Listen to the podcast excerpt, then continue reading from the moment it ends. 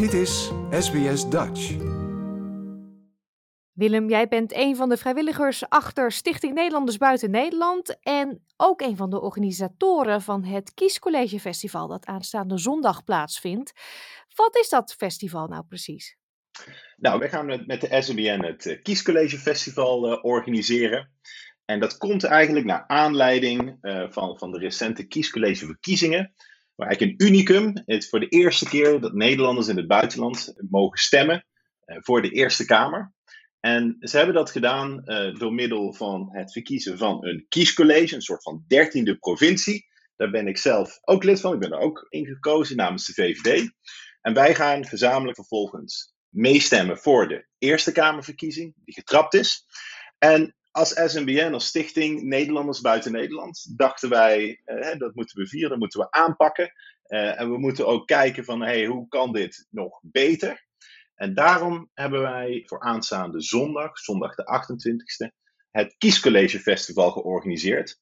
En we gaan primair in gesprek over het onderwerp veilig digitaal stemmen vanuit het buitenland. Uh, want ja, ik weet niet of de luisteraars uh, uh, gestemd hebben voor deze verkiezingen, of het geprobeerd hebben. Maar met enveloppen en, en post die niet aankomt. En ja, eigenlijk al heel ver van tevoren is het, is het hele proces ja, een beetje 19e eeuws. En, uh, ja, er was veel kritiek op, hè? want uh, die envelop die je moest terugsturen, die was mooi oranje, mooi herkenbaar voor mensen die misschien wel kopietjes van een paspoort wilden verzamelen, want die moest je meesturen. Dat was allemaal niet zo handig, hè? Nee, nee ja, het is een systeem wat, wat al lang bestaat en veel landen hebben een, hebben een briefpostsysteem, hè? dus ik ben ook niet tegen dat dat blijft, maar ik denk wel, hè, tegenwoordig zou het beter kunnen. En zo hebben wij onder andere zijn wij het gesprek aangegaan met uh, e-Estonia, met Carmen Raal van, uh, van e-Estonia. Dat is een, uh, dat is een overheidsorganisatie. Um, want in, in Estonië en Estland stemt 60% van de mensen digitaal. Die hebben hun hele overheidswezen als het ware gedigitaliseerd. En 99,9% met uitzondering van een scheiding kan je alles online regelen. Waaronder de stemmen. Toen dachten ja, dat is interessant. Daar moeten we van, uh, van leren. En in Frankrijk hebben ze pas geleden voor de presidentsverkiezingen uh, hebben ze online gestemd. Dus wij dachten, laten we daar eens wat dieper op ingaan. Dus we hebben interviews afgenomen en we komen live in. We hebben een studio gehuurd in Den Haag. Waar onder andere VVD-Kamerlid Ruben Brekelmans en D66-Kamerlid Hindekker Abdulaziz hun visie op digitaal stemmen gaat, gaat geven. Um, en kijken of er mogelijk ruimte is om dat uh, ook voor ons Nederlanders in het buitenland voor elkaar te krijgen. Ja, want in Nederland zit heel veel kennis, maar op dit vlak lopen we misschien een beetje achter. Nou, we zijn wat dat betreft in Nederland, uh, Nederland zeer voorzichtig. Um, en, dat, en dat is ook goed recht. De democratie wordt toch wel gezien als een van de meest waardevolle stukjes bezit van, van Nederland en van de Nederlanders.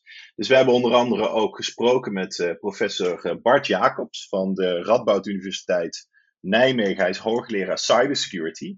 En hij gaat bijvoorbeeld dieper in over Poetin-proof stemmen.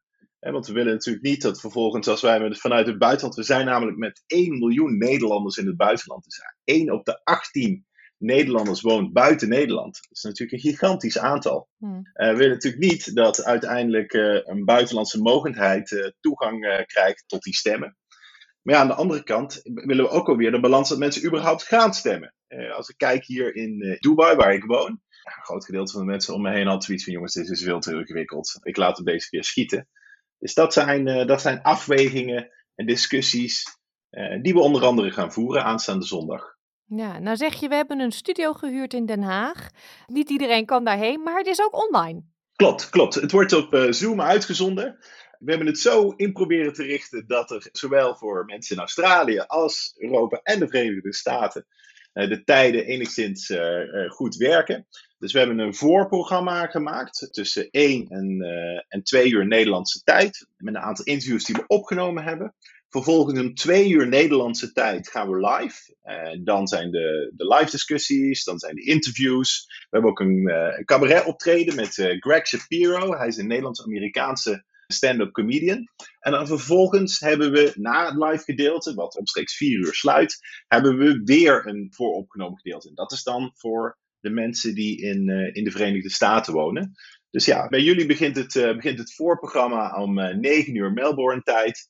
En het hoofdprogramma om, of het live gedeelte om, om 10 uur. 10 uur s'avonds meldbordtijd, zondag de 28e. Ja, dat is te doen. Westkust is dat dus vanaf 7 uur s avonds en het live gedeelte om 8 uur. Um, nou zie ik nog iets anders op het programma staan. Um, wat heel veel mensen natuurlijk aanspreekt. Update dubbele nationaliteit. Klopt, klopt. Binnen de SNBN het hoofdonderdeel, het hoofdonderwerp waar, waar heel veel Nederlanders in het buitenland tegenaan lopen. Uh, is de problematiek rondom de dubbele nationaliteit en de issues die dat met zich meebrengt. Eelco Keij, onze, onze voorzitter, gaat in gesprek met Hermie Voer uh, van Everhard Advocaten en uh, gaat een update geven over dubbele nationaliteit, waar we momenteel staan, welke ontwikkelingen er zijn geweest.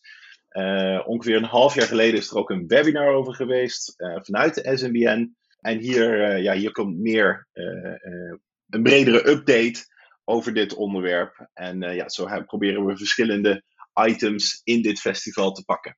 Ja, dat uh, klinkt reuze interessant. Volgens mij uh, heel informatief.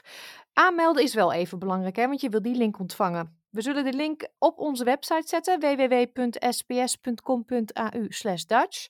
Ik dank je wel en ik wens je heel veel succes voor zondag, Willem. Ja, dat gaat zeker lukken. Ik uh, kijk ernaar uit. Like, deel, geef je reactie. Volg SBS Dutch op Facebook.